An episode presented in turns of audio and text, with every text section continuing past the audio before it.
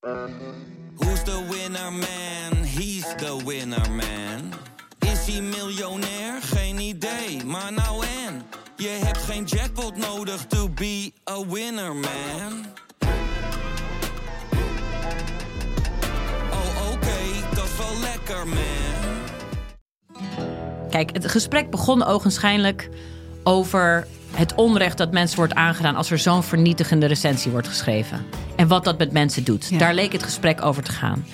Maar gaandeweg, en dat is dankzij goed redactiewerk van mijn eh, redacteur destijds, blijkt dat die test niet deugt. Via podimo.nl slash gonzo luister je de eerste 30 dagen gratis naar Podimo. podimo.nl slash gonzo.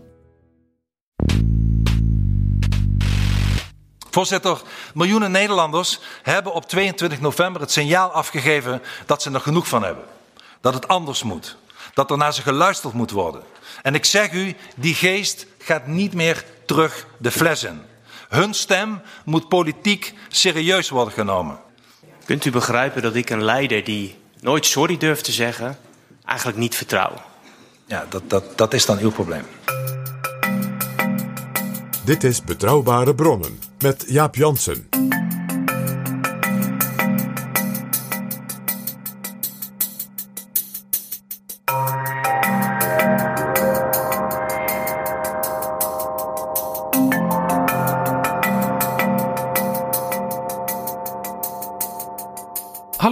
Welkom in Betrouwbare Bronnen, aflevering 390. En welkom ook PG. Dag Jaap. PG, Betrouwbare Bronnen bestaat pas vijf jaar en nog wat. We zitten in seizoen 6. We zijn een soort eh basisschoolleerlingen van het podcastwezen, Jaap. Maar we hebben al tradities. En een van die tradities is dat we zeer regelmatig aandacht besteden aan ontwikkelingen in kabinetsformaties. En dit is al de tweede kabinetsformatie die we meemaken. En beste Jaap, men mag jou en mij van alles verwijten, maar het is niet onze schuld. En dit was natuurlijk weer een interessante week. Afgelopen woensdag het debat met verkenner, inmiddels oud-verkenner, Ronald Plasterk. Die ook door de Kamer weer is aangewezen in datzelfde debat als de nieuwe informateur. Conform de voorspelling in betrouwbare bronnen recent dat hij na verkenner graag beschikbaar zal zijn als informateur en daarna als formateur naar het torentje zal gaan. Ja, maar dat eh, is nog niet vastgelegd door de Kamer, dat laatste. Dat komt nog, Jaap. Wat voor debat was dit, PG, waar we naar hebben zitten kijken samen? Een goede vriend vroeg mij dat via de telefoon nog diezelfde avond, ja. PG, waarnaar hebben we zitten kijken? Mijn antwoord was toen 1 april. Jij moest denken aan het debat van 1 april 2021. Het debat naar aanleiding van de verkenning in de formatie van het kabinet Rutte 4. De vorige verkenning. Dat was dat debat naar aanleiding van Pieter Omtzigt functie elders. De mislukking van de eerste twee verkenners. De aanwijzing van twee nieuwe verkenners die vervolgens hun werk niet meer deden. Omdat de Kamer dacht, ja dit gaat helemaal mis. Een verkenningsdebat waarin dus de heer Omtzigt de centrale figuur werd. En het verkennerswerk een sof was. Nou, kijk eens naar deze keer. We hebben nu een verkenningsfase gehad. Die mag ik het woord turbulent gebruiken. Ja, en ook nog dat debat destijds op 1 april. Het debat waarin het vertrouwen in Mark Rutte werd opgezegd door de Kamer. Om een aantal redenen die ook in dit debat van afgelopen week weer terug kwamen echoen. En waarbij in dat debat, net als dit debat, een aantal van de hoofdrolspelers zeer beschadigd uit dat debat kwamen. Dat was toen onder andere Mark Rutte, ook de vicepremier, toen verkenner mevrouw Ollongren, maar ook en Sigrid Kaag en Wopke Hoekstra, die Ja. wel heel stoer waren, Die hoog van de toren bliezen. maar uiteindelijk niet doorbeten. Hier scheiden onze wegen, maar die wegen die vonden elkaar na allerlei kronkelingen toch weer. Ze gingen meedoen en vormden weer een kabinet met Rutte. En dat is ook uit onderzoek gebleken, is voor veel kiezers op eh, in dit geval eh, D66 en CDA reden geweest om zich uiteindelijk bij de afgelopen verkiezingen van 22 november weer van die partijen af te keren. En uiteindelijk was dat ook de reden dat de VVD, onder leiding van mevrouw Jesselgus, dat kabinet opblies. Omdat men eigenlijk zich nooit heeft verzoend met de totstandkoming van dat kabinet. En de VVD was zelfs bereid Mark Rutte daarvoor te dumpen. Over het debat wat zo op dat debat van 1 april leek, het debat van 13 december 2023, gaan we het hebben, PG. Maar eerst, zijn er nog nieuwe vrienden van de show? Ja, Jaap, die zijn er. Vrienden en vriendinnen. En ze zijn ons beiden natuurlijk zeer welkom. Daarom een bijzonder woord van dank en waardering aan beste Evert, Waarde Hovik, Josine, Anje, Tim en lieve Bram. Wil jij ons ook steunen met een donatie? Ga dan naar vriendvandeshow.nl slash bb.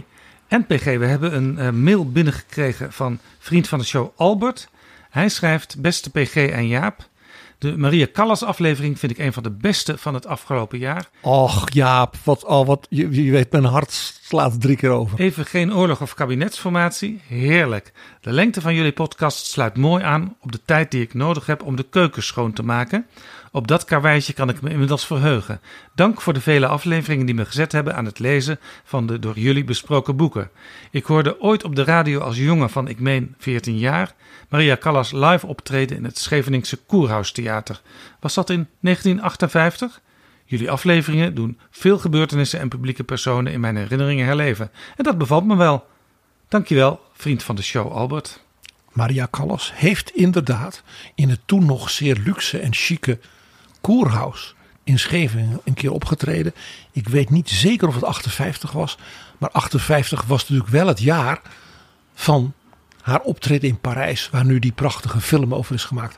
Het is inderdaad zo. Ze heeft in de jaren 50 daar opgetreden toen zij op de toppen van haar kunnen was. En Wat Albert- mooi dat Albert daar nu nog als ware zulke levendige en, en, en voor hemzelf dus nog aangrijpende herinneringen heeft. Visi d'arte, visi d'amore, Jaap.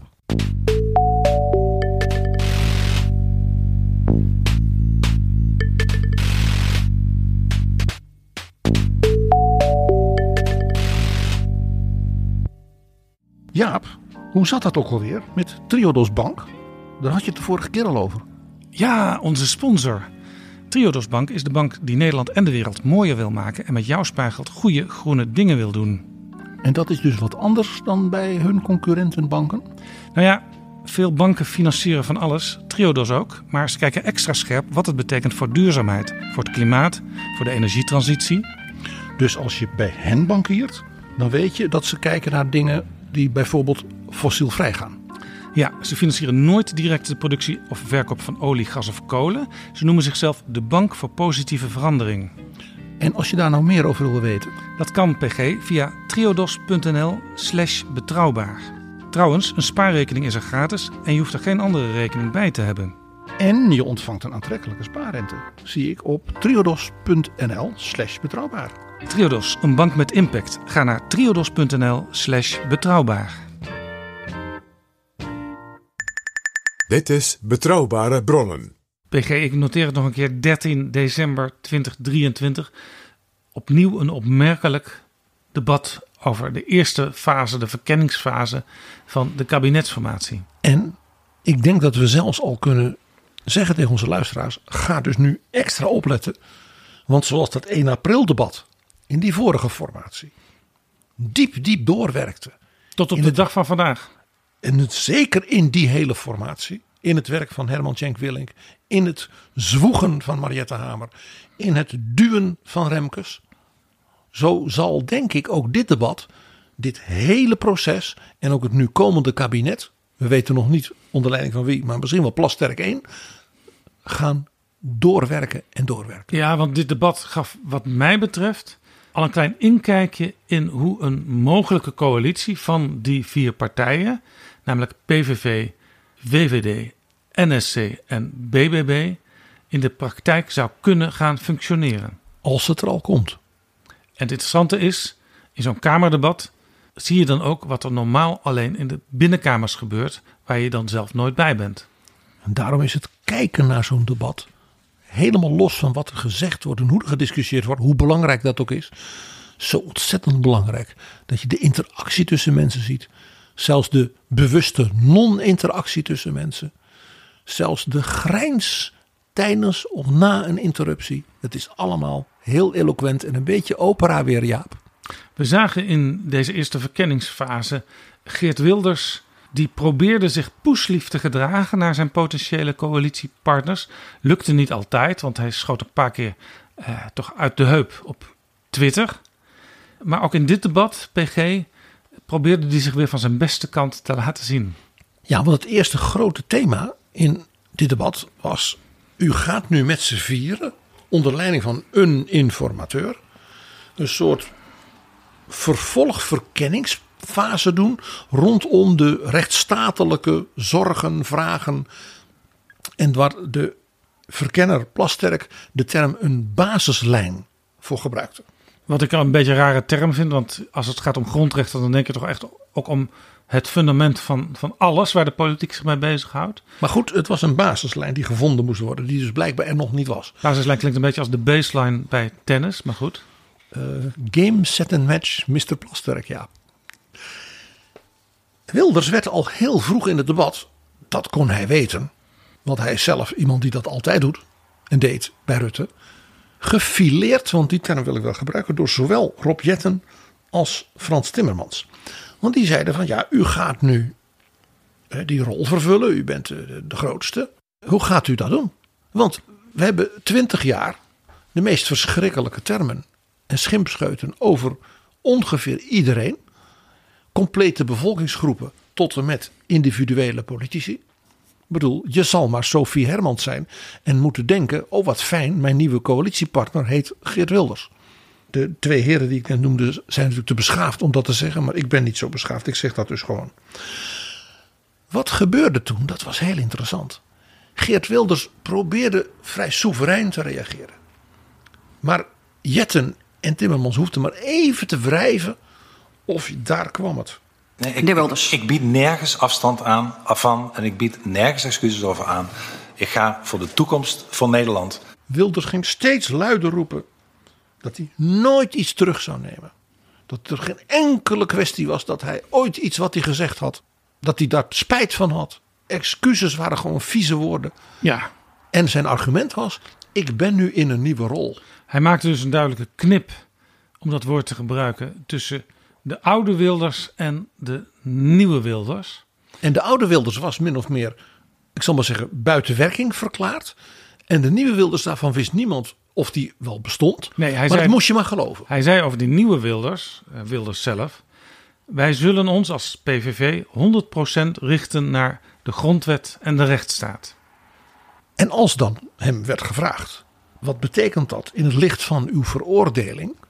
Dan kwam er dus een klassieke oude Wilders weer uit het weerhuisje. Het is, het is net zo'n weerhuisje met zo'n mannetje en een vrouwtje. De ene keer komt de oude Wilders en de andere keer komt de nieuwe Wilders naar buiten. Ja, dus blijkbaar als je iets vraagt over alles wat tot een paar weken geleden plaatsvond bij, bij Wilders. Dan wil hij daar best iets over zeggen. Maar dat heeft absoluut niks te maken, volgens de nieuwe Wilders, met de nieuwe Wilders. En het interessante is dat hij dan zich vervolgens uit als de oude Wilders. Dus de nieuwe Wilders wordt verdedigd door de oude. En hier maakte Frans Timmermans van GroenLinks Partij van de Arbeid een interessante vergelijking met een scène uit een film die hij had gezien. Jaap, als ik nou heel eerlijk ben, weet ik niet zeker of Frans Timmermans die film ooit heeft gezien. Want die man maakte natuurlijk in de voorbije jaren weken van 90 uur. Nou, daar kun je je in vergissen, PG. Het kan natuurlijk zijn dat hij het van fractiegenoten of van medewerkers heeft gehoord. Maar hij heeft natuurlijk ook kleinkinderen waar hij zeer trots op is. Oh, die nemen hem mee. Dus hij zal best wel eens in, uh, ergens in Limburg naar de cinema gaan. Ja, daar kon je gelijk aan hebben. En het was de film waarvan hij niet de juiste titel wist. Vandaar dus mijn vermoeden. Finding Nemo van Disney. Ja, laten we even luisteren naar Frans Timmermans.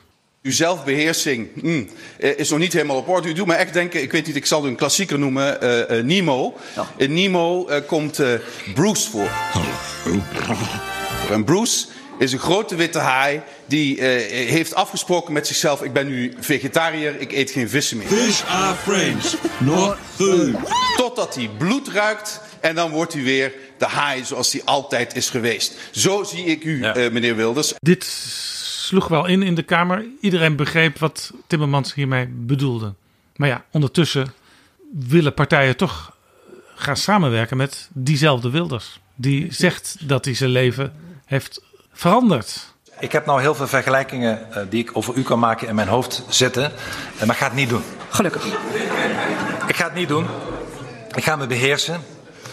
Ehm, ik, ga daar, ik, ga daar, ik ga daar boven staan.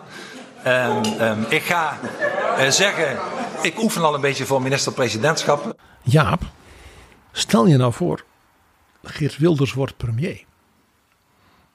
Dat is iets wat Wilders zelf als inzet heeft, zegt hij. En als ambitie. Maar we gaan open de onderhandelingen in. Dus het hoeft niet per se, maar naar zijn kiezers is nog wel steeds het idee van: ik wil premier worden.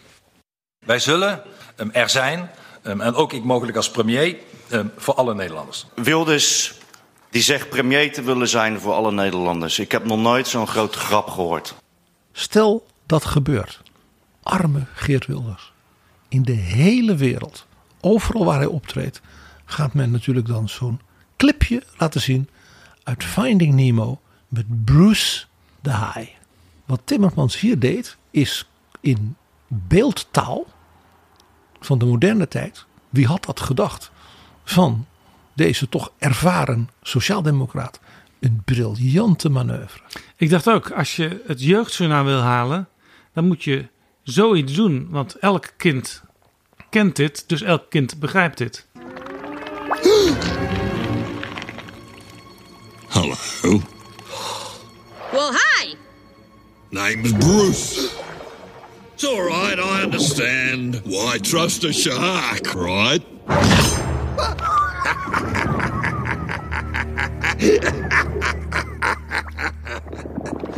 De haai die zegt dat hij lief zal blijven. De haai zegt dat hij is afgekikt. De haai die beweert dat hij nu vegetariër is geworden. Maar als het bloed geroken wordt, dan blijkt hij toch nog steeds de oude streken niet verloren te hebben. En dat is een motief, Jaap, dat is heel oud. Dit komt uit de klassieke oudheid. Ik geloof een van de grote Romeinse dichters die dat vertelde over een schorpioen. Die door een vriendelijk dier naar de overkant van het water werd gebracht, maar halverwege hem toch prikt. Want hij zei: Zo ben ik nu eenmaal. Jaap, dit betekent natuurlijk voor die drie zeg maar, formerende, discussierende fracties. Dat Wilders in feite zegt: U zult maar gewoon moeten accepteren dat ik als de grootste in dit nieuwe verbond beloof dat ik mij zal gedragen. Wat dat gedragen is, dat bepaal ik. En de enige garantie die u heeft is dat u mij gelooft. Wat ik in een vorige editie zei, wat de Britten zo mooi noemen, de suspension of disbelief. Het opschorten van ongeloof. Ja, en die hele discussie, zij wilde ze ook nog bij, over de grondrechten en de grondwet. Ach, die kan wat mij betreft in één of twee dagen afgerond zijn. Want Want- ja, wij gaan ons daarna richten. Wij houden ons aan de grondwet. En iedere vraag die daar natuurlijk over gesteld wordt, dan zal hij zeggen: Jij vertrouwt mij niet. Ik houd staande dat u dat onderscheid tussen mensen met één en twee paspoorten wil uitbreiden. En dat ik dat op gespannen voet vind staan, die beweging, met de principes die in onze grondwet verankerd zijn. En waar kennelijk nu nog een hele tijd over gediscussieerd moet worden of we het daar wel over eens zijn. Ik vind het triest dat ik moet meemaken in dit huis dat onze grondwet en de basisrechten van de burgers tot onderwerp van discussie in een informatie worden gemaakt. Dat vind ik treurig en dat reken ik u zeer aan. Ja, maar dat is dus niet zo. Want wij Oh. zullen eh, zeggen, en dat heb ik ook gezegd in de campagne, in de, eh, bij, de, ehm, in de, bij de verkenner en nu weer. Wij zullen ons 100% richten naar de grondwet en de rechtsstaat. Dat heb ik gezegd, dat heb ik beloofd. De PVV is goed voor zijn woord. En wij zullen dus, als er al voorstellen voor ons zijn gedaan, die. Nou, er kunnen een aantal dingen gebeuren. Laat ik u schetsen wat er gebeurt. Wij, wij gaan dan met elkaar praten. Onderhandelen is het inderdaad niet, want dat doe je niet over de grondwet. We gaan met elkaar praten. En dan komen de voorstellen. En dan zeg ik misschien van, nou ja, dat voorstel, volgens mij kan dat wel. Want je kan dat verdrag aanpassen of je kan het zo doen. Dat is nergens mee in strijd. Jongens, kom op, dat kan. En misschien zijn er voorstellen die aanpassing behoeven. Ja, dat kan ook. En misschien zijn er ook voorstellen eh, die we hebben gedaan, die we moeten intrekken. Ook daar ben ik toe bereid. Ik ben, ik ben ertoe bereid, omdat ik een verantwoordelijkheid voel voor die 2,5 miljoen kiezers, om die, om die om die, dat is niet eens een concessie, maar om te zeggen: wij zorgen ervoor dat het in lijn is met de regels, met de grondwet. Dat gaan we doen. Daar kan Nederland op vertrouwen. Wat veel belangrijker is dan deze punten, is dat wij dadelijk Nederland verbeteren. Dat we over de inhoud gaan praten, over de koopkracht. Ik zeg meneer Dijk na van de SP over het eigen risico. Dat moeten we zo snel mogelijk gaan doen. En die grondwet, nogmaals, die discussie die, kan, die wij dadelijk gaan krijgen, die kan in een dag, twee dagen, wat mij betreft, klaar zijn. Want ik beloof u, meneer Timmermans, en u kunt mij geloven of niet, dat wij onze standpunten in lijn daarmee zullen brengen.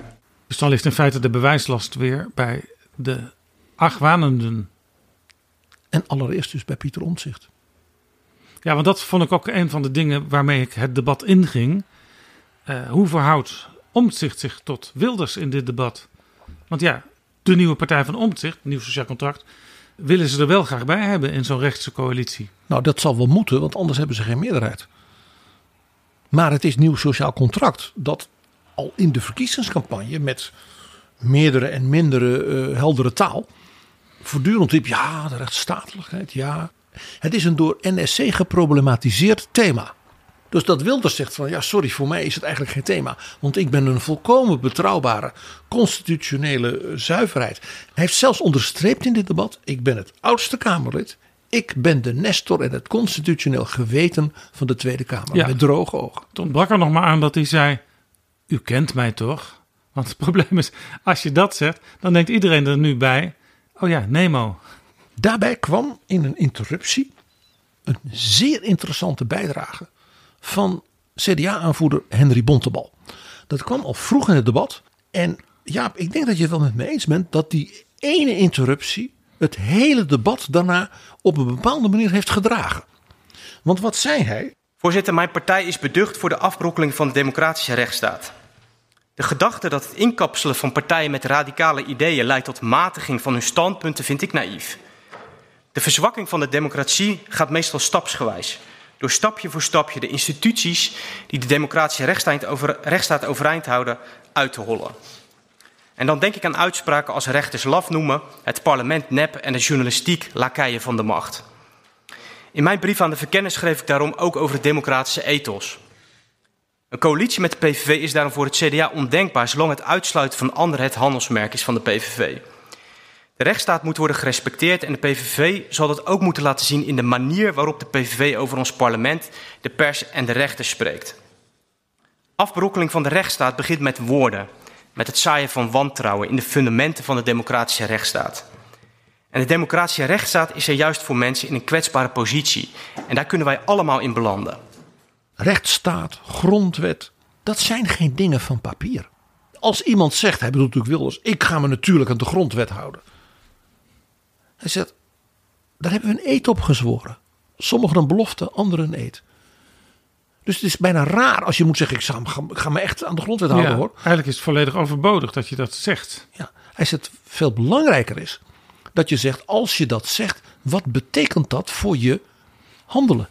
Je politiek bedrijven, de manier waarop je naar bijvoorbeeld burgers in de samenleving Denk de moslims, denk vluchtelingen. Hoe ga je om met collega's? Noem je ze een Ja, heks? dus- of heb je dus- respect? Je hebt niet alleen gezworen op de letter van de grondwet, maar je wordt ook geacht naar de geest van de grondwet te handelen. L'Esprit des lois. Prachtige boek uit de verlichting, inderdaad. En wat zei Bontebal? Die zei: Het gaat dus ook om het democratisch ethos van politiek bedrijven. Mag ik Jaap verwijzen naar onze editie over Jan de Koning? Zijn zoon Christi zei: Mijn vader heeft mij en mijn broer, en eigenlijk ook het CDA geleerd: het gaat om geloven op maandag. Want je kunt heel vroom zijn op zondag en alle psalmen meezingen. Maar als je op maandag je personeel ja, in de grond trapt en je collega's bedondert. Nee. Dat democratisch ethos, dat is een Jan de Koningsachtig geloven op maandag. Ja, en nog wat dramatischer, eh, PG, werd het in die aflevering gezegd. Eh, in de bezetting, de Tweede Wereldoorlog, kon je als burgemeester natuurlijk ja, niet op dag één meteen al zeggen: Ik doe hier niet aan mee, want je had ook verantwoordelijkheid voor je burgers. De vader van Jan de Koning was burgemeester van Zwartsluis.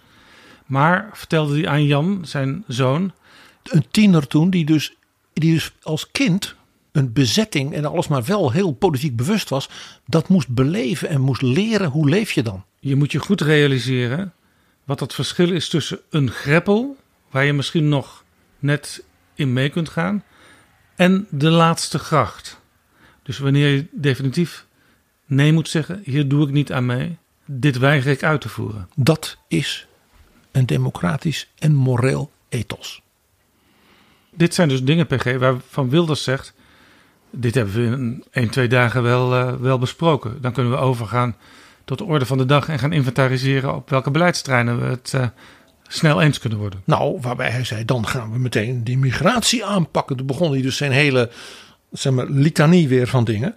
En hij deed ook heel neerbuigend over die mensen die het zo nodig vonden om over dat soort dingen te praten. Hij bedoelde natuurlijk Pieter Omtzigt.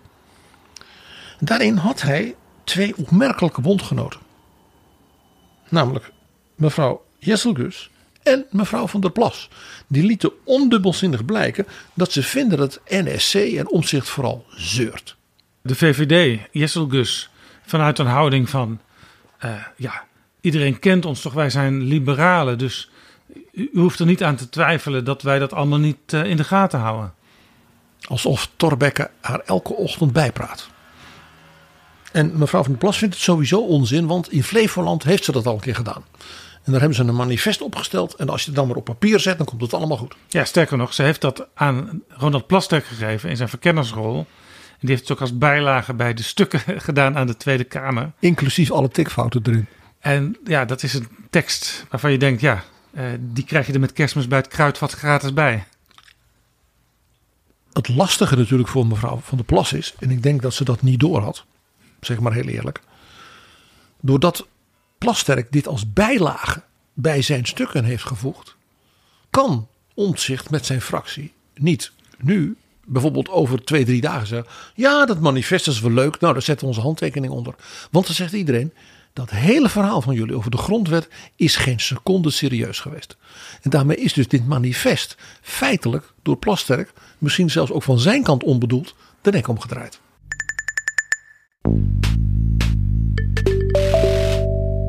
Dit is Betrouwbare Bronnen, een podcast met betrouwbare bronnen.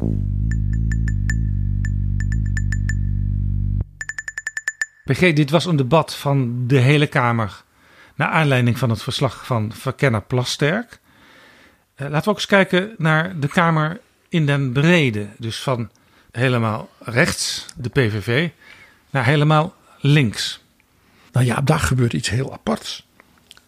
Tijdens de discussie waar we het nu net over hadden, over Wilders en ik ga niks excuseren, niks uh, zeggen dat had ik niet moeten doen.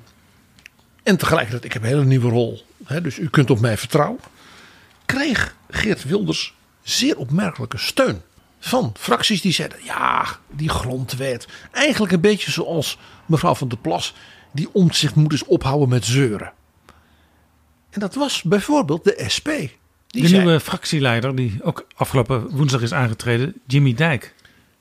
Dat was heel opmerkelijk. Die zei tegen Wilders: Ja, u wil allemaal dingen die wij eigenlijk ook wel willen. Hè, met bestaanszekerheidachtige dingen. Ja, minimumloon omhoog. Daar moet het over gaan. En die grondwet, nou ja, uh, dat horen we dan wel. Ja, hij, Jimmy Dijk was eigenlijk vrij praktisch. Hij zei: Er zijn uh, nu nieuwe sociale meerderheden in deze Kamer. En dat kunnen we handen en voeten geven door alvast een aantal dingen door te voeren. Ja, hij had eigenlijk het idee dat eigenlijk in de voorjaarsnota van het kabinet Rutte 4 al, al zeg maar het halve SP-programma zou kunnen worden uitgevoerd. En de reactie daarop van Geert Wilders was: hoe eerder, hoe beter. Dus die vielen elkaar bijna snikkend in de armen en die grondwet en die omtzegt: ach, er was nog iemand, maar wel helemaal aan de andere kant van het spectrum, die dat ook vond. En dat was de nieuwe aanvoerder van de SGP. Chris Stoffer. De partij van het staatsrechtelijk geweten van de Kamer al die vele jaren. Ja, Kees wat, van der Staaij. Wat mij opviel, PG, in de eerste uren van dat debat. De SGP die benadrukte eigenlijk maar één ding.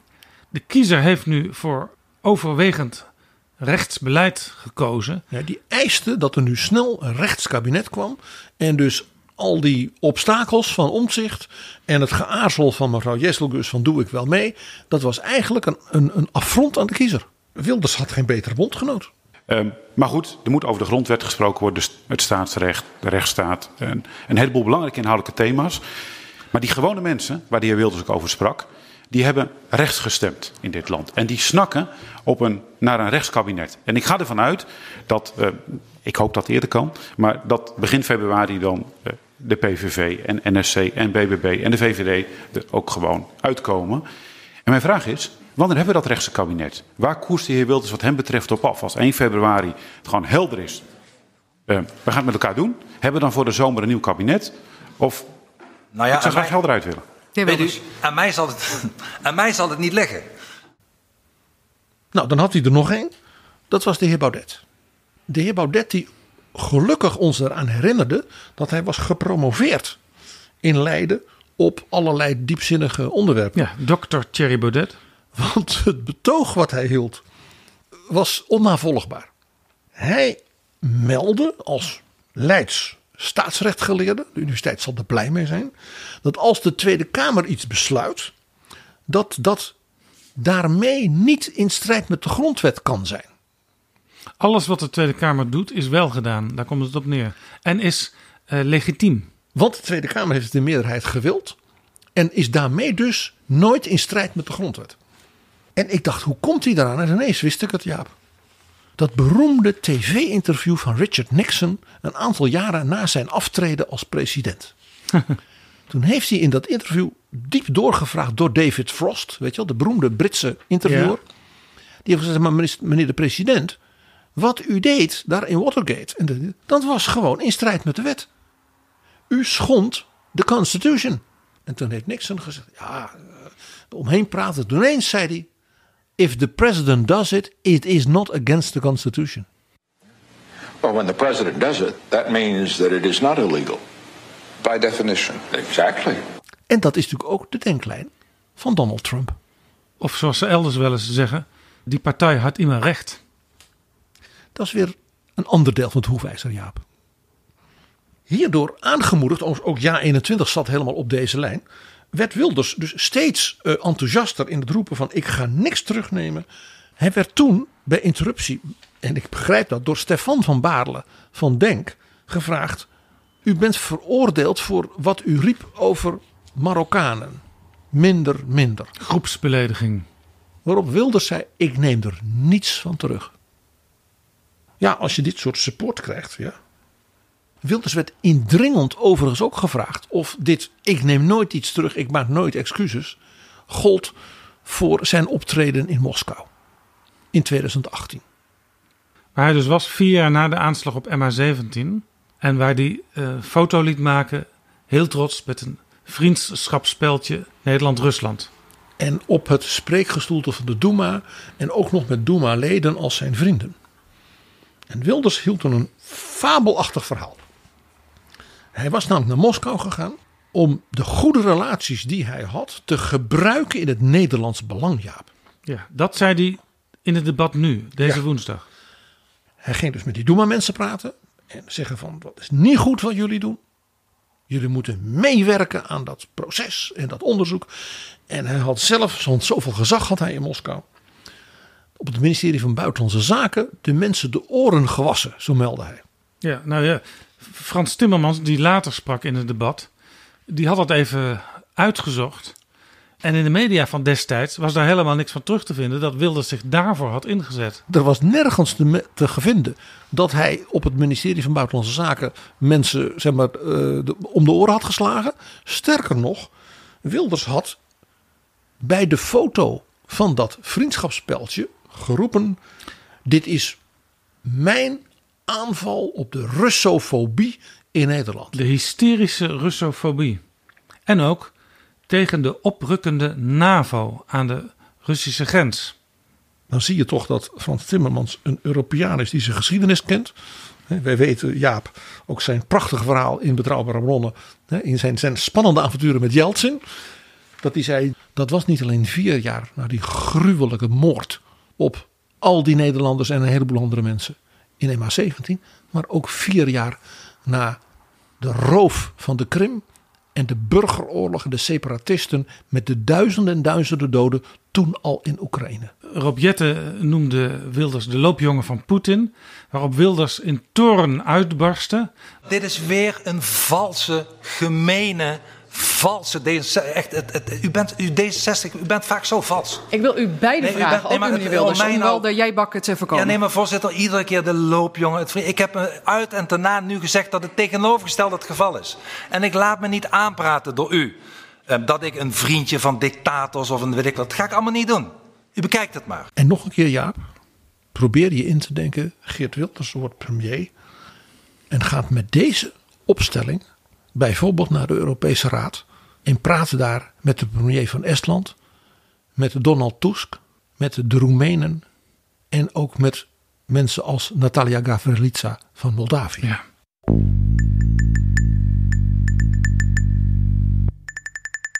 PG, ik zei net al, ik ging het debat in met de vraag: hoe zouden nou Wilders en Omtzigt zich tot elkaar verhouden? Wat gebeurde daar? Nou ja, Jaap, het begon natuurlijk dat Wilders eigenlijk wat denigrerend, wat wegwerpend Ja. deed over die grondwettelijke dingen. Dus dat maakte het nog interessanter om de heer Omtzigt te zien optreden. Die begon als volgt. Die heeft een lang verhaal gehouden over, ja, eigenlijk een campagnespeech over hoe slecht Nederland ervoor stond. En dat was natuurlijk de schuld van Mark Rutte en, nou ja, we kennen dat. Ja, hij zei zelfs: de middenpartijen zijn weggelopen bij de kiezers. Is een beetje eh, wat om zichzelf ook eh, tegen het CDA zei. Ja, ik ben niet bij het CDA weggelopen. Het CDA heeft zich van mij vervreemd. En toen meldde hij dat het volkomen helder was en dat hij al vanaf het begin had gezegd: voor hem was er een keiharde ondergrens. En dat was de respectering van de grondwet. Want tenslotte hadden alle Kamerleden, hij bedoelde dus ook alle Kamerleden van de PVV, een eed gezworen, dan wel een belofte gedaan op de grondwet. Hij zei nog iets. Hij had in de campagne en ook in de besprekingen niemand een voorstel zien doen om de grondwet als ware af te schaffen. Of dat Nederland uit de Europese mensenrechtenafspraken van de Raad van Europa stapte. Waar hij natuurlijk zelf jarenlang zeer actief is geweest en grote verdienst heeft gedaan. Of dat Nederland uit de EU zou treden. Dus dat was een hele geruststelling, mevrouw de voorzitter. En hij viel dus Wilders bij eigenlijk dat het allemaal op korte termijn wel geregeld zou kunnen zijn. Ja. Dan vraag je je af, waarom maak je er dan zo'n enorm nummer van?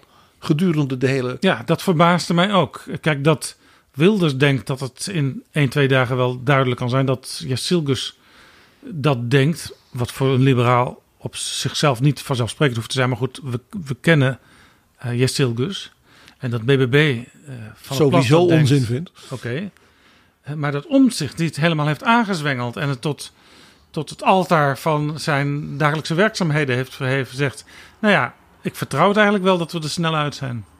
Iets waar hij zijn eigen partij, zoals hij zelf ook zei, voor had opgericht.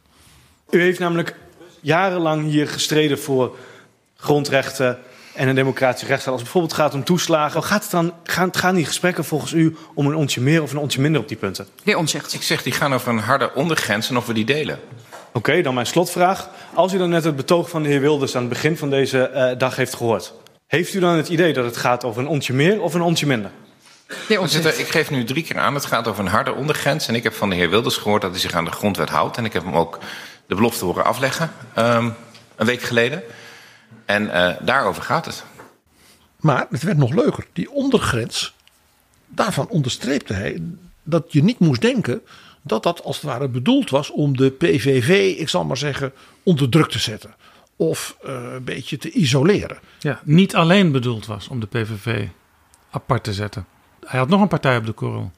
Ja, hij gaf heel duidelijk aan dat er natuurlijk een partij was die in zijn ogen onder leiding van Mark Rutte 13 jaar de grondwet met voeten had getreden. Ik dacht dat is leuk voor mevrouw Jesselgus. Sterker nog, hij zei dat het kabinet met de maatregelen in het kader van de bestrijding van de pandemie, de corona, ook in zijn ogen de grondrechten van burgers ja. op allerlei manieren had geschonden.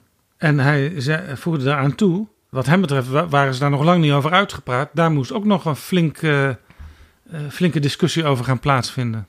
Dus blijkbaar heeft Omtzigt een uh, dossiermapje bij zich met allemaal gele stickertjes. En op een van die stickertjes staat VVD en grondrechten. Dat wordt nog leuk bij Plasterk, denk ik dan.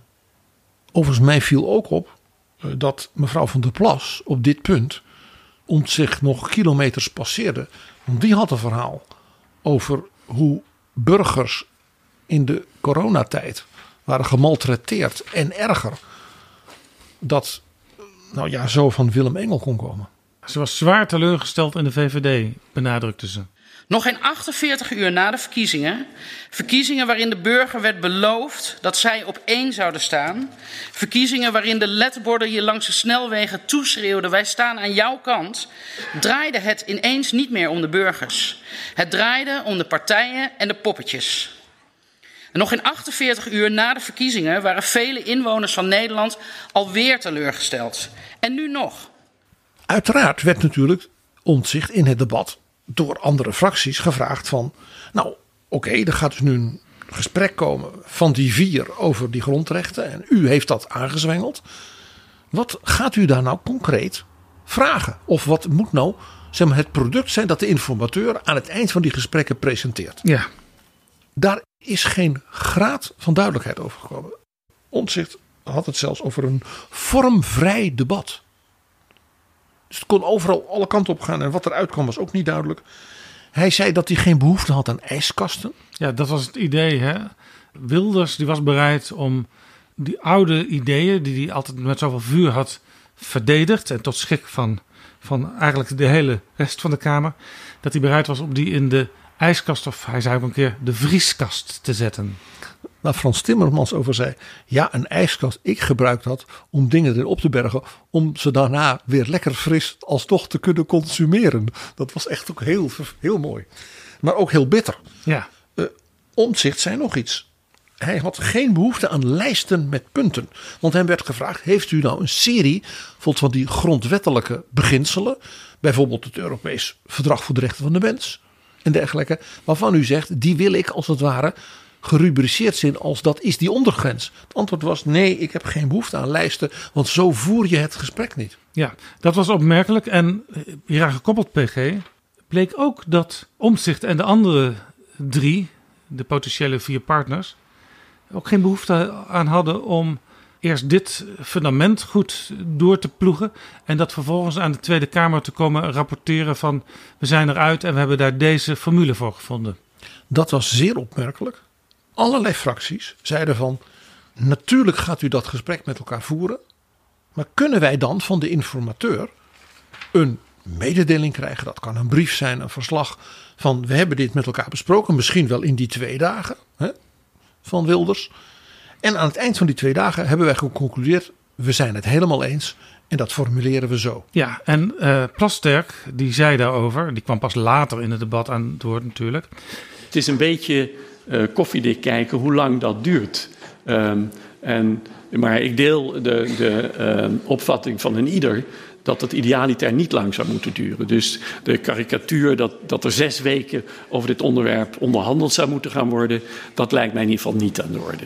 En toen werd er vanuit de Kamer gevraagd: ja, waar, waarom niet even direct terugkoppelen aan de Kamer? Wat er uit dat grondrechtendebat. Dat is een kwestie gekomen? van een brief. Want als ze eruit zijn, kan hij een brief schrijven aan de Kamer. Ze zijn eruit of Ja, we zijn nou, eruit. toen draaide die er wat omheen, plastic. Maar uiteindelijk zei hij... Uh, dus de redenen om er nu niet uh, op dat ene onderwerp alleen al naar de Kamer terug te komen, is ten eerste dat de vier partijen die met elkaar de koppen bij elkaar gestoken hebben, die een Kamermeerderheid ook hebben, uh, daartoe dat hebben afgesproken met elkaar. En ik, ik ben een verkenner, dus, dus ik rapporteer ook wat de opvatting daar is. Met andere woorden, hij had er eigenlijk geen inhoudelijke reden voor. Het was nu eenmaal afgesproken.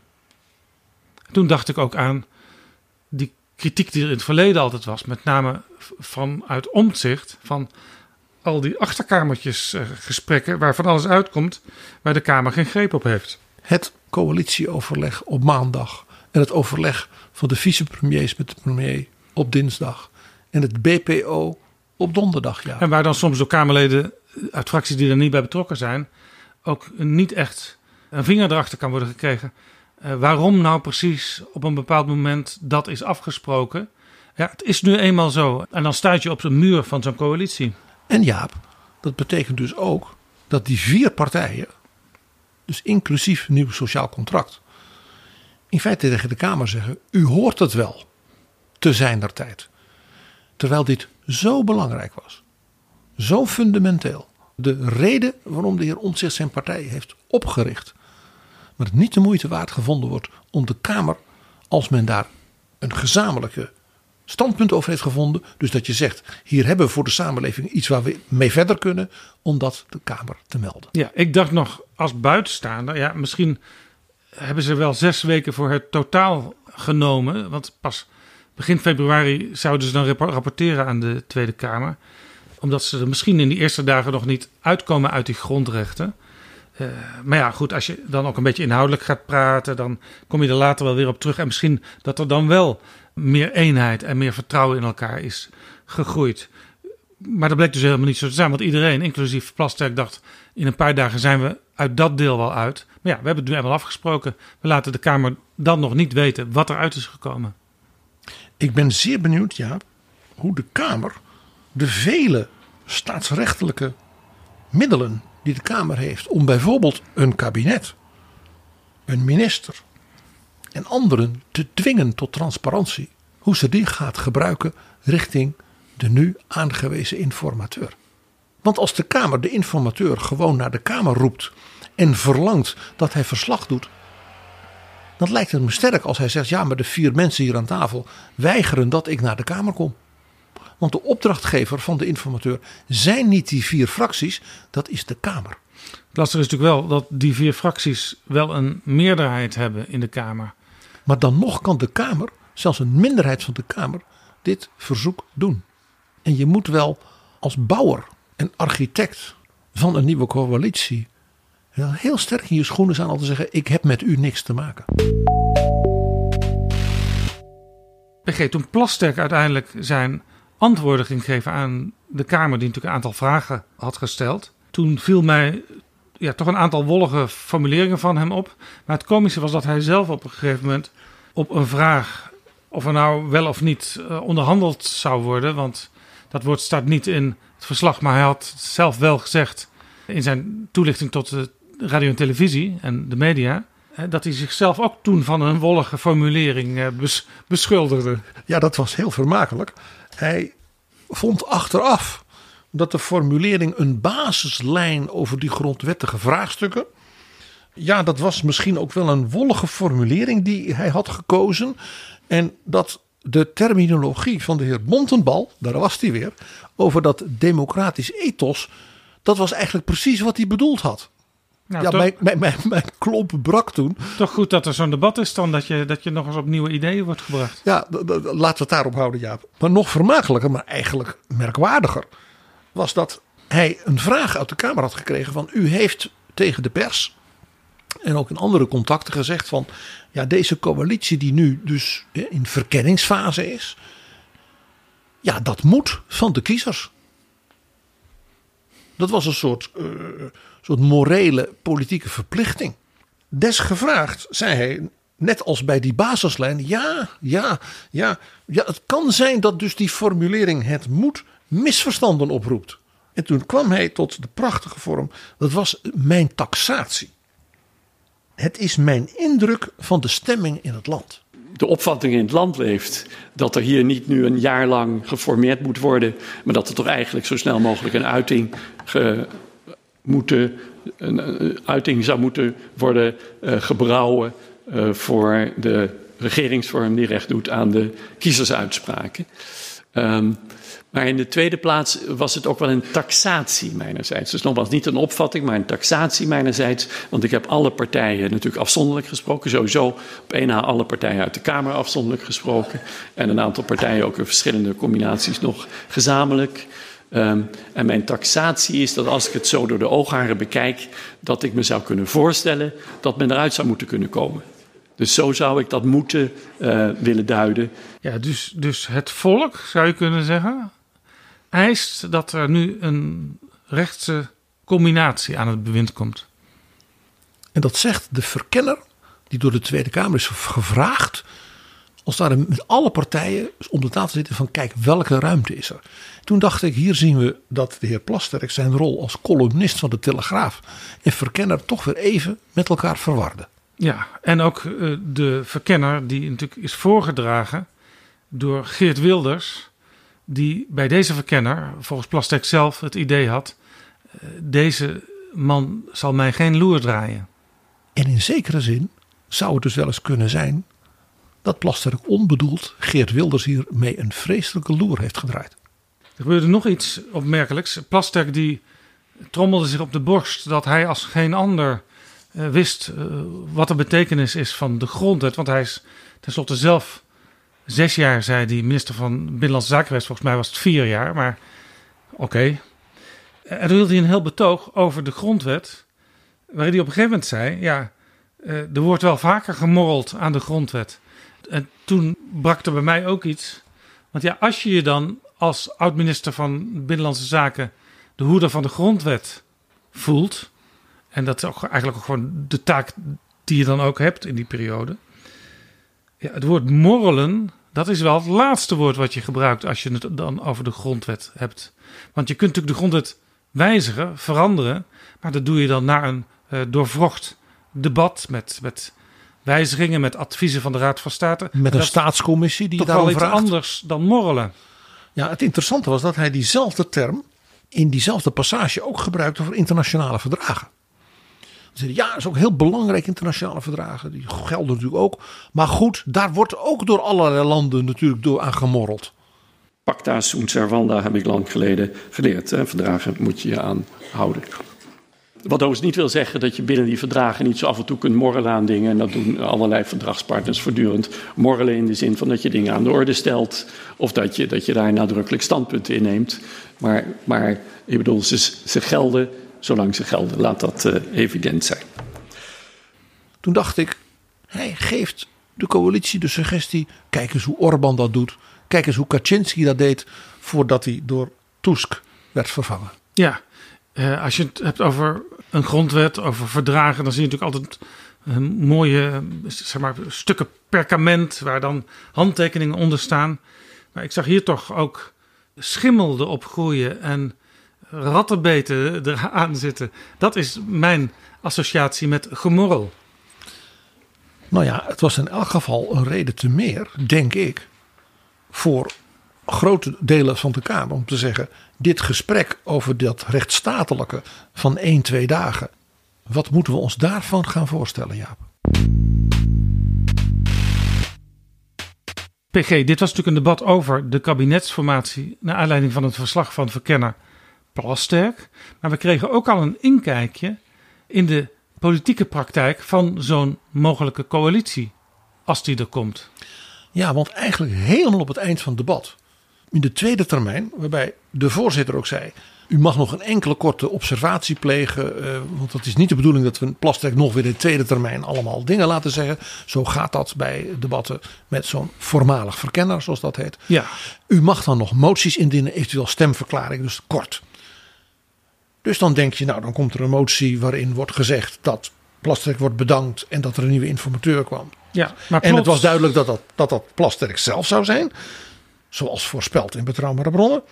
Maar bij de tweede spreker, mevrouw Jesselgus, ontplofte net als op 1 april het hele debat. Ja, het was natuurlijk zo dat de VVD het kabinet had laten vallen op migratie.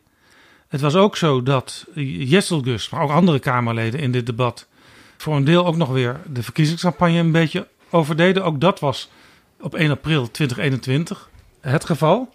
Maar Jesselgus ging verder en die ging ook alvast uh, inkleuren, uh, een beetje, uh, hoe het migratiebeleid er in de nabije toekomst uit zou moeten zien. In ieder geval één ding wat ze niet meer wilden. De minister van Justitie van het kabinet Rutte 4 diende als fractieleider van de VVD met als mederondertekenaars de heer Wilders, de heer Omtzigt en mevrouw van der Plas een motie in waarin het beleid van de minister van Justitie van het kabinet Rutte 4 inzonderheid dat van haar staatssecretaris Erik van den Burg in feite door de shredder werd gehaald. De Kamer gooit de beraadslaging, doet een beroep op het kabinet en de Eerste Kamer om voor de duur van de formatie een pas op de plaats te maken met het wetsvoorstel Spreidingswet. En gaat over uh, tot de orde van de dag, mede ondertekend door de heer Wilders, mevrouw Van der Plas en de heer Ontzicht. En dat was hem. Wat ze zei was: wij hebben als kabinet, want ze spreekt natuurlijk in als Kamerlid, maar ze is ook minister van Justitie een wet ingediend, een wetsvoorstel, wat ook door de Tweede Kamer al is aangenomen. En dat nu in behandeling is, uitvoerig, schriftelijk, zeer indringend in Om de Senaat. De opvang van asielzoekers uh, netjes over het land te spreiden. Zodat alle narigheid in gemeenten wordt verminderd en de mensen in bijvoorbeeld Ter Apel weer minder ja, zorgen op straat hebben. En die wet die behandeling en daarna ook de stemming staat op de agenda van de Eerste Kamer voor half januari, als de Eerste Kamer weer terug is van kerstreces. En de motie dus ingediend woensdag in de Tweede Kamer doet een beroep op het kabinet en de Eerste Kamer om voor de duur van de formatie een pas op de plaats te maken met het wetsvoorstel Spreidingswet. Dus de fractieleider van een van de beoogde coalitiepartners en demissionair minister van Justitie onthoofd politiek haar eigen staatssecretaris en partijgenoot en lid van de VVD-fractie in de Tweede Kamer, Erik van den Burg. Die, als ik het goed zag, ook niet aanwezig was toen dit zich allemaal voltrok in de Tweede Kamer. Er werd niet voor niks om een hoofdelijke stemming gevraagd, zodat officieel kon worden vastgesteld dat Erik van den Burg niet had meegestemd. PG, het was toch wel opmerkelijk, denk ik, dat nieuw sociaal contract hieronder stond als een van de indieners. Sterker nog, uh, het werd zonder enige terughoudendheid verdedigd door de heer Omtzigt. Zo van, het is maar een verzoek, dus als de Eerste Kamer het niet wil, dan doet ze het niet. Nou, als je nagaat dat zelfs de fractieleiders, de nieuwe fractieleiders van de ChristenUnie en de SGP, des duivels waren. Sorry, uh, uh, ik begin me toch wel zorgen te maken over die anderhalve maand of een paar weken over de grondwet en, en, en, en de democratische rechtsstaat. Als zelfs dit elementaire staaltje staatsrecht niet helder is bij mevrouw Jezilkus. Op inhoud begrijp ik het heel goed.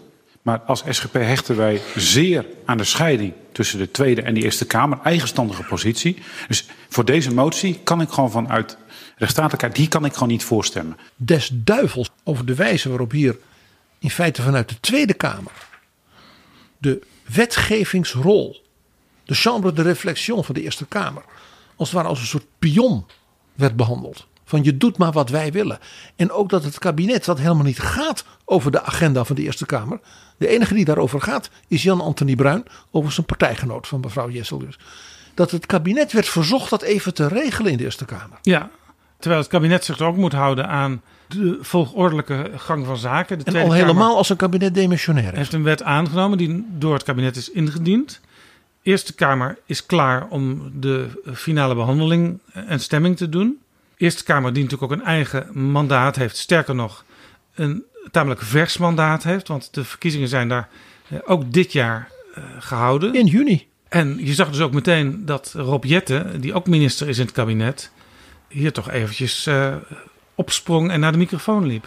We hebben het nu al vanaf kwart voor tien vanochtend over de grondwet. Over de democratische rechtsstaat. Over het belang dat in dit huis niet alleen meerderheden tellen, maar er ook wordt geluisterd naar minderheden.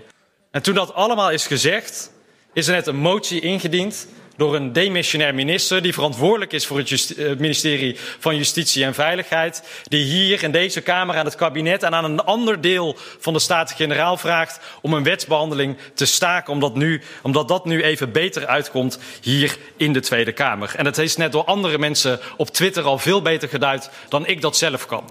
Deze hamer in het huis van Thorbecke, mevrouw Jezilgus, is staatsrechtelijk vandalisme. De eerste die hier alert was en onmiddellijk, dat was opnieuw Henry Bontebal.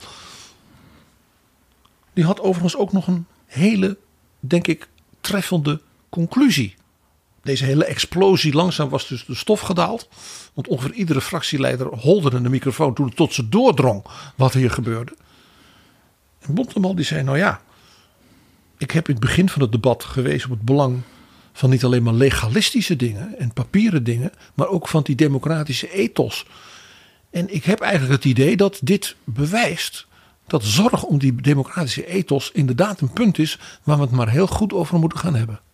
En de grondwet, die natuurlijk door Pieter Omtzigt de afgelopen jaren steeds zo hoog werd gehouden. En daar heb je artikel 45 lid 3. De ministerraad beraadslaagt en besluit over het algemeen regeringsbeleid en bevordert de eenheid van dat beleid. En daarbij vroeg Jetten, die dus samen met Jesselgus in de ministerraad zit, wat gaat er nu gebeuren als eh, drie van de vier partijen, namelijk eh, D66, CDA en ChristenUnie, zeggen: eh, wij gaan deze motie helemaal niet uitvoeren. Gaan de VVD-ministers dan het kabinet uit? Of gaan wij het kabinet uit? Het is de opdracht van ministers, dus ook mevrouw Jesselgus. En daarom dat ik de emotie ook in, van, van Jette begreep. Het is de grondwettelijke opdracht van een minister de eenheid van het regeringsbeleid te bewaken.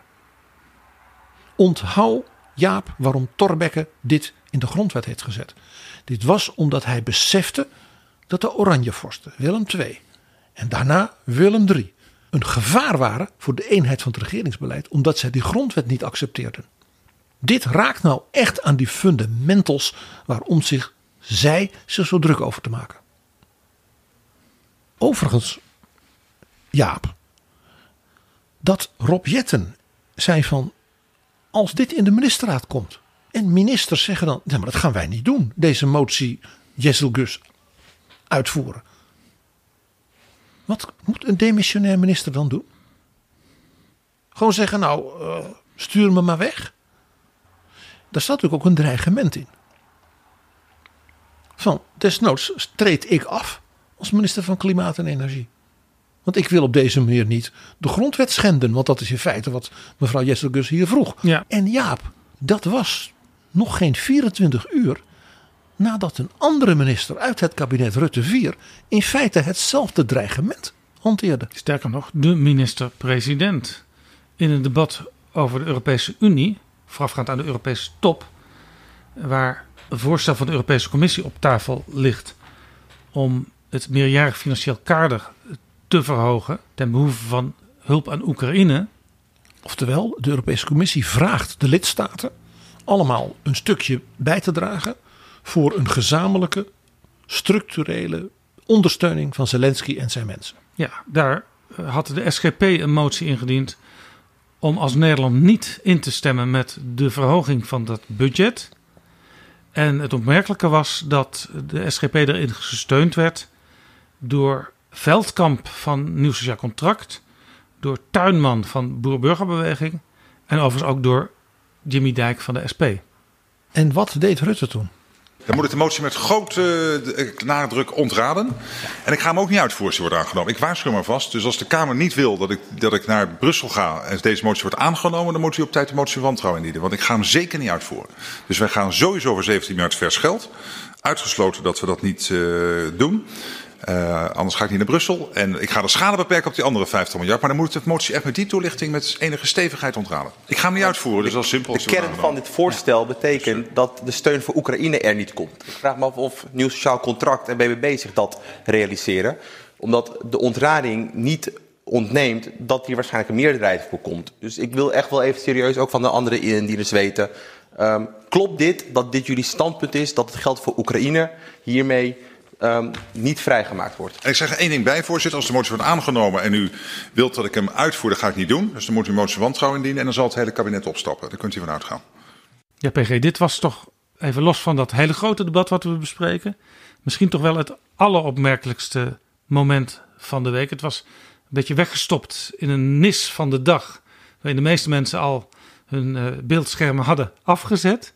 Maar hier hoorde je dus de minister-president keihard dreigen met zelfs helemaal vertrekken uit het kabinet. En uh, niet alleen hij, maar de hele ministerraad. Oftewel, Mark Rutte heeft de avond voor het debat over de verkenning gedreigd met het aftreden van Dylan Jesselgus. Want zo is het toch, ja? Ja, maar we zien dus een Nederland, een politiek Nederland, dat volledig in verval is. Nou ja, dat vind ik heel dramatisch. In ieder geval als het gaat om het oude kabinet. Want dat is al demissionair. Er, er is dus in feite geen spanning meer tussen Kamer en kabinet. Eh, dreigen, dat heeft niet zoveel zin. En er is ook geen onderlinge nou ja, loyaliteit, verbinding tussen, dus- die, tussen die partijen. Hier bleek dus zelfs bij, bij Rutte een soort ja, verbeten boosheid van wat jullie van mij vragen. Ik zeg het maar alvast bij voorbaat. Gaan we niet doen. En als Ik jullie ga, ons niet, dwingen, ik ga niet naar Brussel met deze boodschap. en als jullie ons dwingen, dan zijn we meteen weg. Ja. De hele ministerraad. Ook interessant is, politiek vind ik dat interessant, dat dus nieuw sociaal contract in zijn ongeveer eerste politieke debat in de Tweede Kamer eigenlijk het masker afwerpt. En dat men zegt, Oekraïne, be, Europa, be. Is niet helemaal waar, PG. Het nieuw sociaal contract heeft zich ook eh, gesteld eh, via Casper Veldkamp, nieuw Kamerlid, onder moties samen met Paternotte en samen met Piri. Moties die geen geld kosten. Waar ze wel steun voor Oekraïne uitspreken. verbale steun. Maar dit is om het echi. En ook interessant is dat er een motie is aangenomen. Ook met steun van NSC. Dat Nederland een opt-out wil in de Europese verdragen. Rondom de samenwerking in Europa. Ten aanzien van het opvangen van asielzoekers. Ja, op oud klinkt misschien een beetje raar, want dat is iets wat je afspreekt als er een nieuw verdrag komt. Hè. Dan kan een land zeggen: Oké, eh, dit nieuwe hoofdstuk van de Europese samenwerking, daar gaan wij niet helemaal in mee. Daar hebben wij onze twijfels bij. Dat kun je bij het begin van zo'n nieuw hoofdstuk kun je dat afspreken. Maar je kunt niet bestaande verdragen daarin veranderen. Maar ja, er is nu een wens groeiende in Europa, omdat er natuurlijk zoveel dingen moeten gebeuren, om misschien maar weer eens het oude verdrag aan te passen, eh, allerlei nieuwe ambities erbij schrijven. Ja, en dan komt er wel een moment voor een land als Nederland om, om alles nog eens een keer goed tegen het licht te houden. Jaap, ik ben op dit punt heel nuchter. Als een aantal lidstaten, waaronder Nederland, tegen de collega lidstaten zegt: Wij willen graag op dit punt de bestaande verdragen aanpassen, dan kunnen ze dat op de agenda zetten. Dus die opt-out kun je gewoon agenderen. Want dat is natuurlijk het mooie: Europa is geen superstaat. De lidstaten zijn soeverein. Dus ze hoeven zelfs niet te wachten op een nieuw verdrag. Nou, dat is niet helemaal waar, PG. Want bijvoorbeeld als het gaat over de eurozone en de euro als munt. Toen dat deel van het verdrag er kwam, toen moesten landen bij voorbaat zeggen: wij gaan erin mee of wij gaan er niet in mee. En er stond zelfs in elk nieuw lid van de Europese Unie, dus ook straks bijvoorbeeld Oekraïne en Moldavië, als ze er financieel-economisch eh, rijp voor zijn, dan komen ze automatisch in de eurozone. Dus zo makkelijk is dat allemaal niet, PG. Maar wel met verdragen op dit punt, beste Jaap. Als je dat wilt, dan kun je dat doen.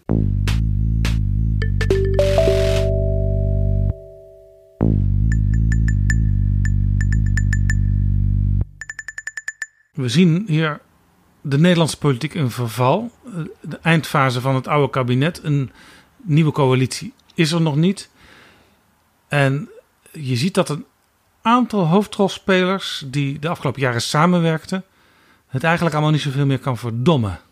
En je ziet dus een aantal fracties, in dit geval SGP, BBB, NSC, zich openlijk meer dan eurosceptisch en zelfs Oekraïne-sceptisch opstellen.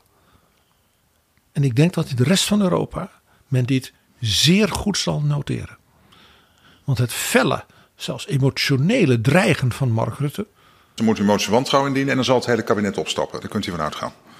zal men in alle andere hoofdsteden natuurlijk ook hebben genoteerd. Omdat men ook beseft dat als dit in Nederland de nieuwe lijn wordt, Mark Rutte het kan vergeten secretaris-generaal van de NAVO te worden.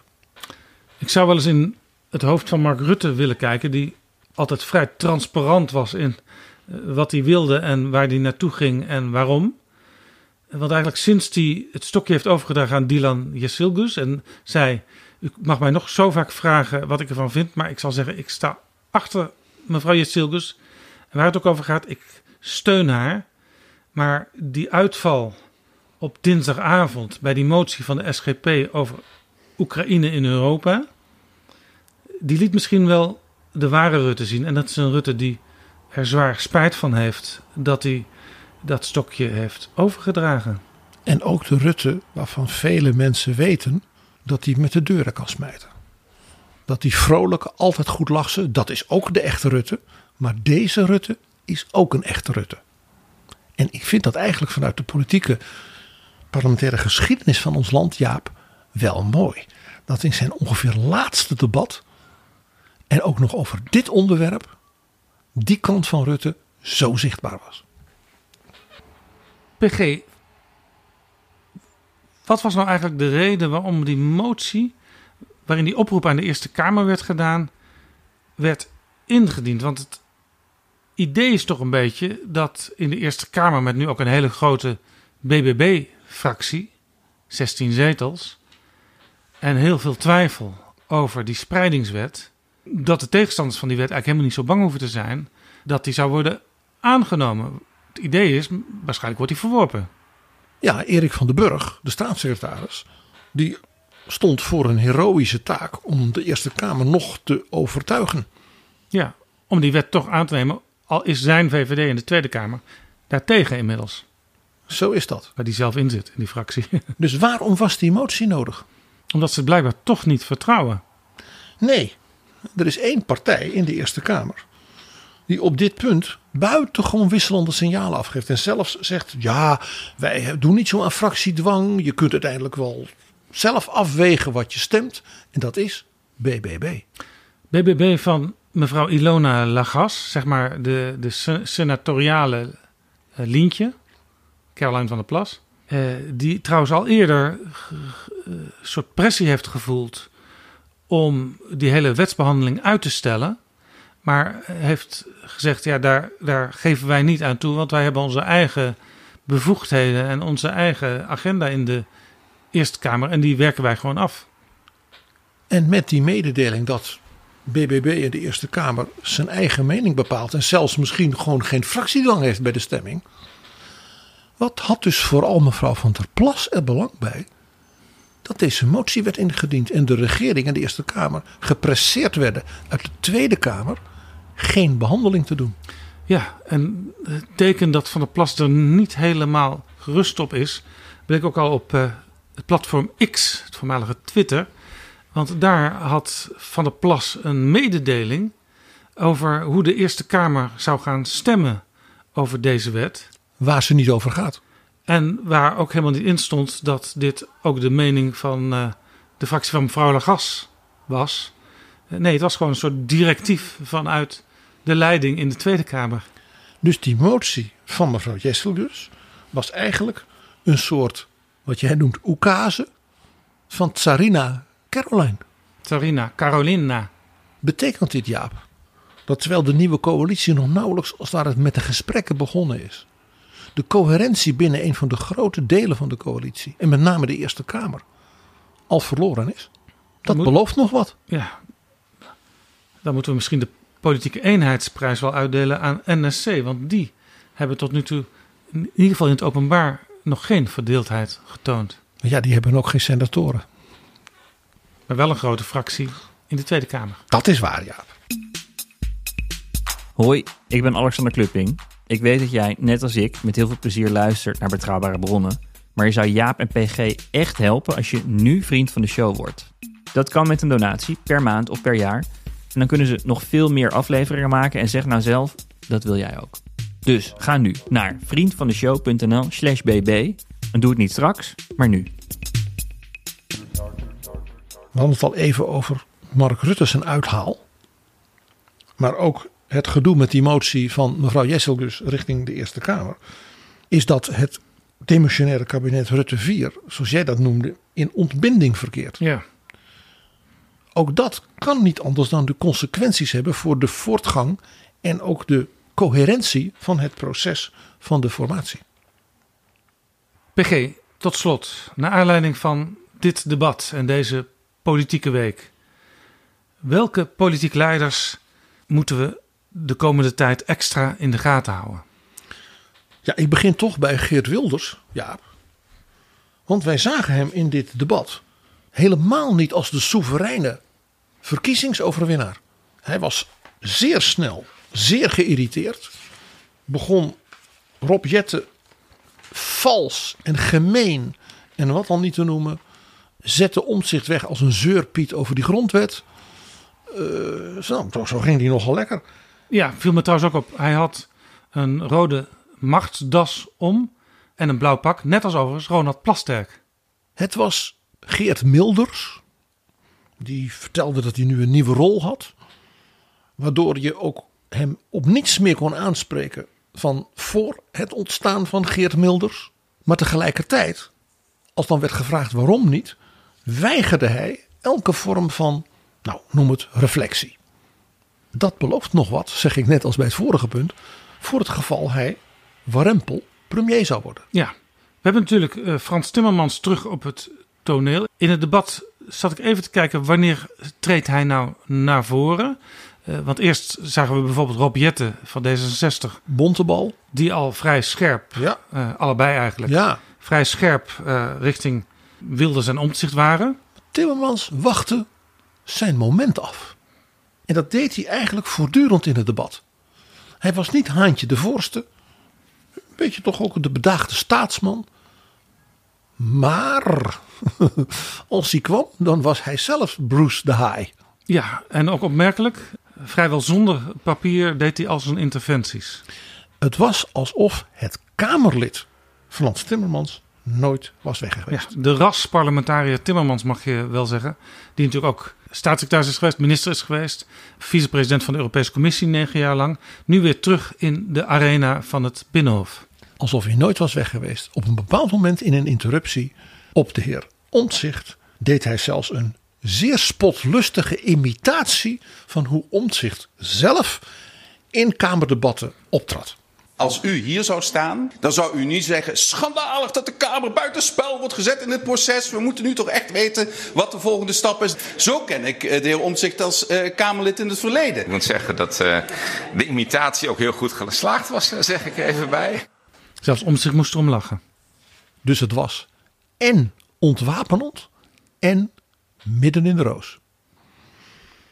Nou, we zagen al uh, Rob Jetten, fractievoorzitter D66 die het aan de stok had gekregen met zijn collega in de ministerraad. Want die dubbelrol hebben ze op dit moment. Die ook een leidende rol had in het debat. Ja, en dus heel anders dan Timmermans. En het grappige is, dat paste beide bij elkaar.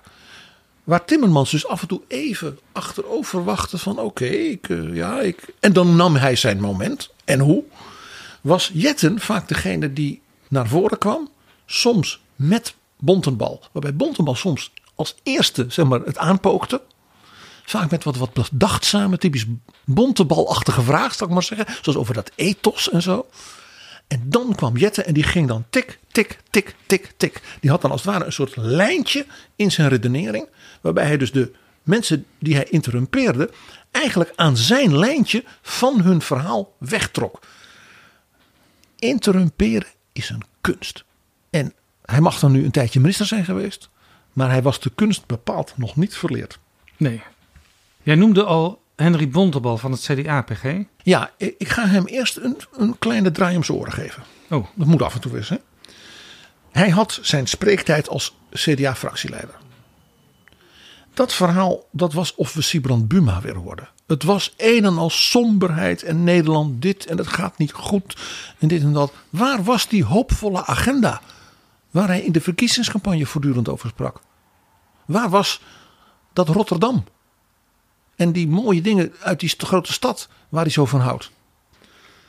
Maar ja, zodra hij, en dat was bij de algemene politieke beschouwingen ook opvallend, zodra hij in het debat in de rol was van: ik ga eens even een vraag stellen.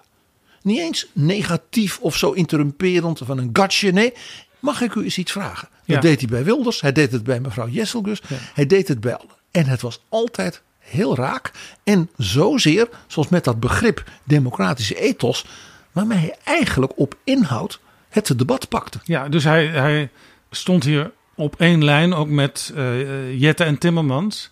En gaf er zijn eigen kleur aan. En zozeer dat dus de verkenner, de voormalig verkenner, zei ja, eigenlijk is wat de heer Bontebal zegt een veel betere formulering voor wat ik de komende maanden wil gaan doen met die vier fracties dan wat ik zelf heb opgeschreven.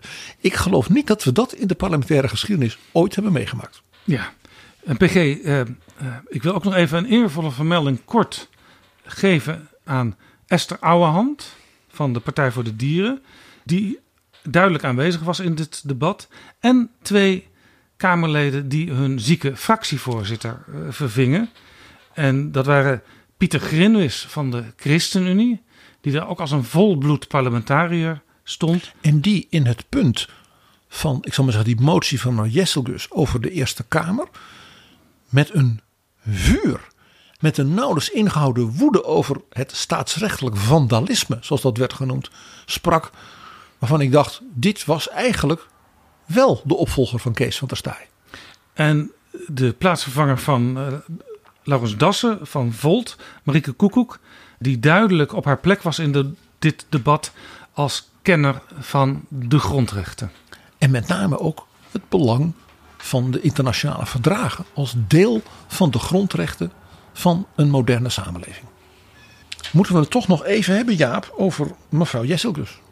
Ja, ze stond daar als een, als een, als een, als een vechter in haar leren jek.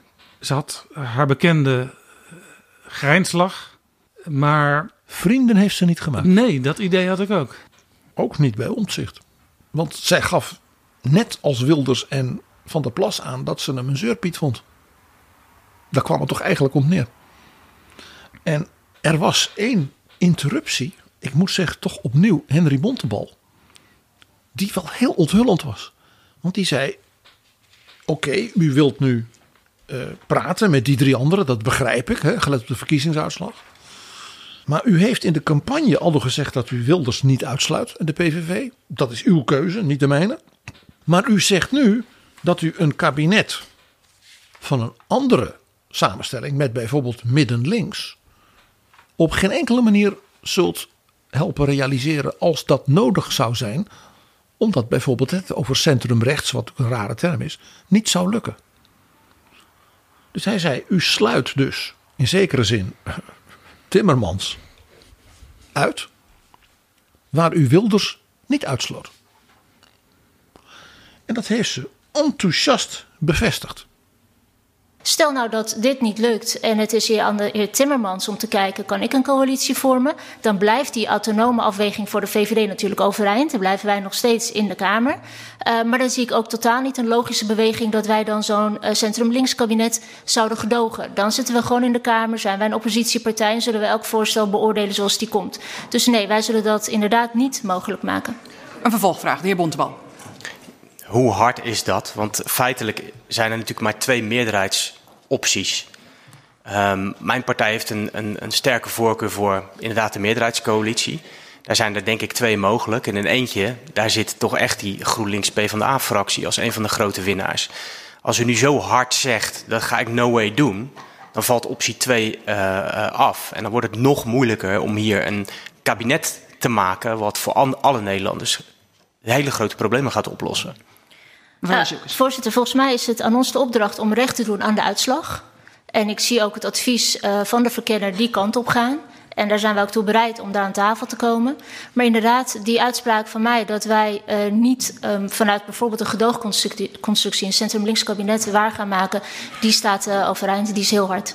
Dat, dat, gaan, dat, gaat de VVD niet doen. Het staat aan ieder vrij om dat dan natuurlijk wel te doen. Maar wij zullen dat niet doen. Wat ze daarmee deed, en ik weet niet of ze zich dat bewust was, was dat ze dus zei: Ik heb mij volledig huid en haar overgeleverd aan de PVV. Want ik ga mee onderhandelen. Ik heb al gezegd: ja, ministers en zo, dat doen we maar niet. En een terugvaloptie, behalve nieuwe verkiezingen, heeft ze niet meer. Daarmee is de VVD ongeveer alles uit handen geslagen wat ze maar heeft. Ja, en hier zie ik toch ook de voorbode van uiteindelijk, na ik weet niet hoeveel tijd, informeren dat de VVD, hoewel Plasterk met nadruk zei, daar hebben we het in deze fase niet over gehad en daar gaan we het voorlopig ook niet over hebben. Welke partijen wel en niet in een coalitie en uh, gaan zitten in het kabinet ministers leveren en welke verhouding er tussen kabinet en Kamer moet komen. Ik zie uiteindelijk eh, de VVD, misschien wel, wel meer nog dan NSC van Omtzigt, gewoon volledig gaan meedoen in een kabinet. Maar dan zonder mevrouw Jesselgus, vermoedelijk. En Jaap, ik hou nog rekening met heel iets anders. In een interruptie zei Pieter Omtzigt: Ik ben vrij stellig. Hij heeft een absolute voorkeur voor een extra parlementair kabinet. Bent u bereid als NSC ook in een meerderheidscoalitie met de PVV te zitten? En dan snap ik alle voorwaarden die u daarbij stelt. Wij hebben een stellige voorkeur voor een extra parlementaire variant. En um, de meerderheidscoalitie is überhaupt al onmogelijk gemaakt door de opstelling van de VVD. Die zegt, nou we willen een minderheidskabinet van die drie partijen. En daarvan heb ik al heel hard gezegd, wij als NSC gaan niet in een minderheidscoalitie zitten die gedoogd wordt door een van de andere vier partijen. Wat betekent dat PG, extra parlementair? Dat betekent dat er een ministersploeg wordt samengesteld. Die kan rekenen op, zeg maar, sympathie van bijvoorbeeld die vier fracties. Maar daar geen politieke binding mee heeft, zoals dat heet. Dus die vier fracties zeggen: begint u nou met regeren. Uh, we hebben een regeerakkoord in grote lijnen. Daar gaat u mee aan de slag. En wij zullen moties van afkeuring tegen u voorlopig dus niet steunen. Nee, en, en de samenstelling, personeel, die kan ook uit uh, hele diverse personen bestaan. Dus dan kan mevrouw Jesselgus haar zin krijgen. Dat er toch VVD'ers in komen, maar die hebben dan geen binding met de VVD. En nog iets.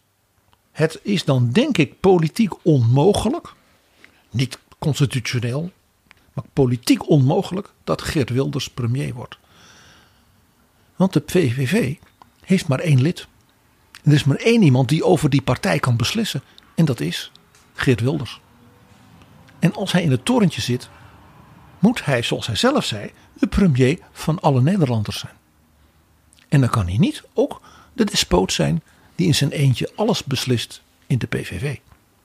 En tot slot, PG, zoals Pieter Omtzigt uh, tegen het eind van het debat zei: dit land moet wel geregeerd worden. Net en fatsoenlijk. We gaan het zien.